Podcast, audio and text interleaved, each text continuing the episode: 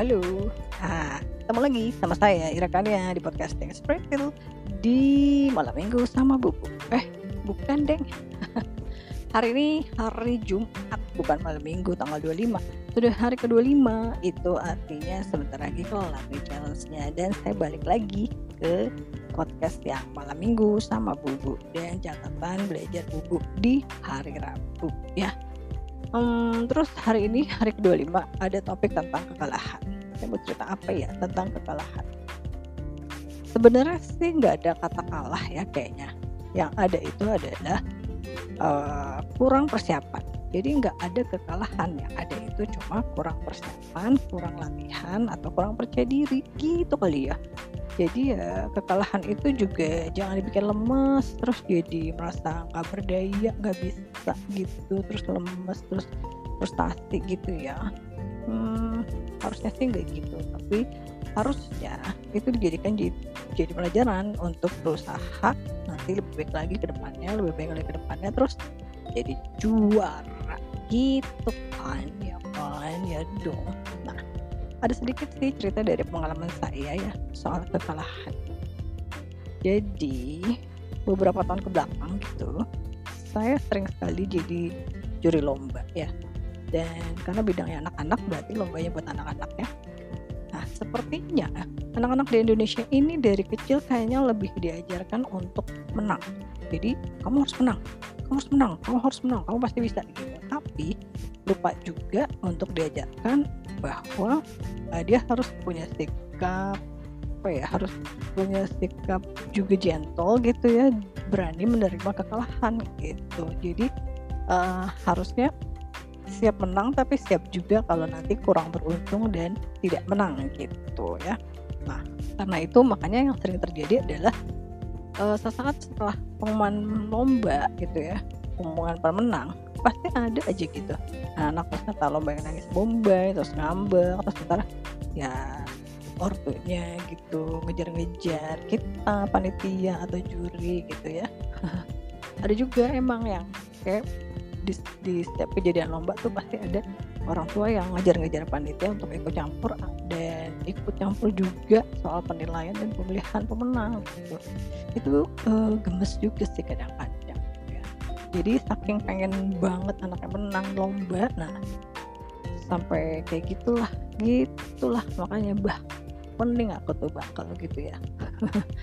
Udah pusing gitu kalau lagi lomba terus dikerubutin sama ibu-ibu peserta ya hmm, pokoknya ortu-ortunya itu yang suka uh, komen ini komen itu komen itu gitu.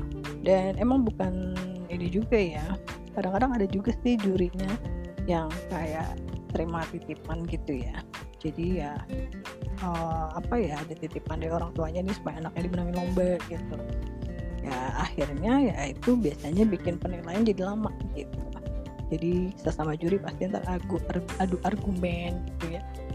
Terus kan secara kalau Eke ada di posisi sebagai juri dari pihak sponsor gitu. Jadi ya sorry sorry ya kita nggak terima titipan titipan terus ya makanya jadi suka punya gitu pas lagi milih juara-juara lomba-lombaan itu ya. Jadi makanya biasanya kalau saya tuh sesudah penilaian terus saya lebih senang ngumpet aja dari belakang panggung gitu ya. Atau begitu dipanggil lagi untuk naik panggung saya ngabur aja udah cabut langsung dari lokasi. Apalagi sesudah pengumuman dan pemberian hadiah gitu ya.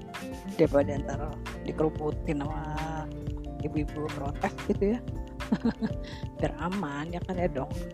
Bisa ya dong. Itu kan biasanya keputusan dari juri kan tidak dapat diganggu gugat ya. Tapi kadang-kadang peserta dan orang tuanya sih lebih lebih itu kayak nggak terima gitu dengan kata-kata. Keputusan juri tidak dapat diganggu gugat. Nah jadi nih buat teman-teman bro and sis yang masih punya anak-anak kecil yang sering diikutkan untuk lomba ya. Jangan lupa diajarkan juga untuk sikap berbesar hati untuk bisa menerima kekalahan. Karena yang main lomba kan pasti ada yang kalah ada yang menang gitu kan.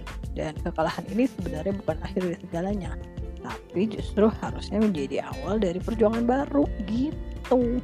Kalau mau sedih kecewa karena kalah kompetisi atau lomba ya nggak apa-apa juga. Ya wajar sih kan apa ya mungkin kecewa udah latihan uh, berapa lama gitu terus kok hmm, kurang beruntung gitu ya. Yang apa-apa sih asal jangan berlarut gitu.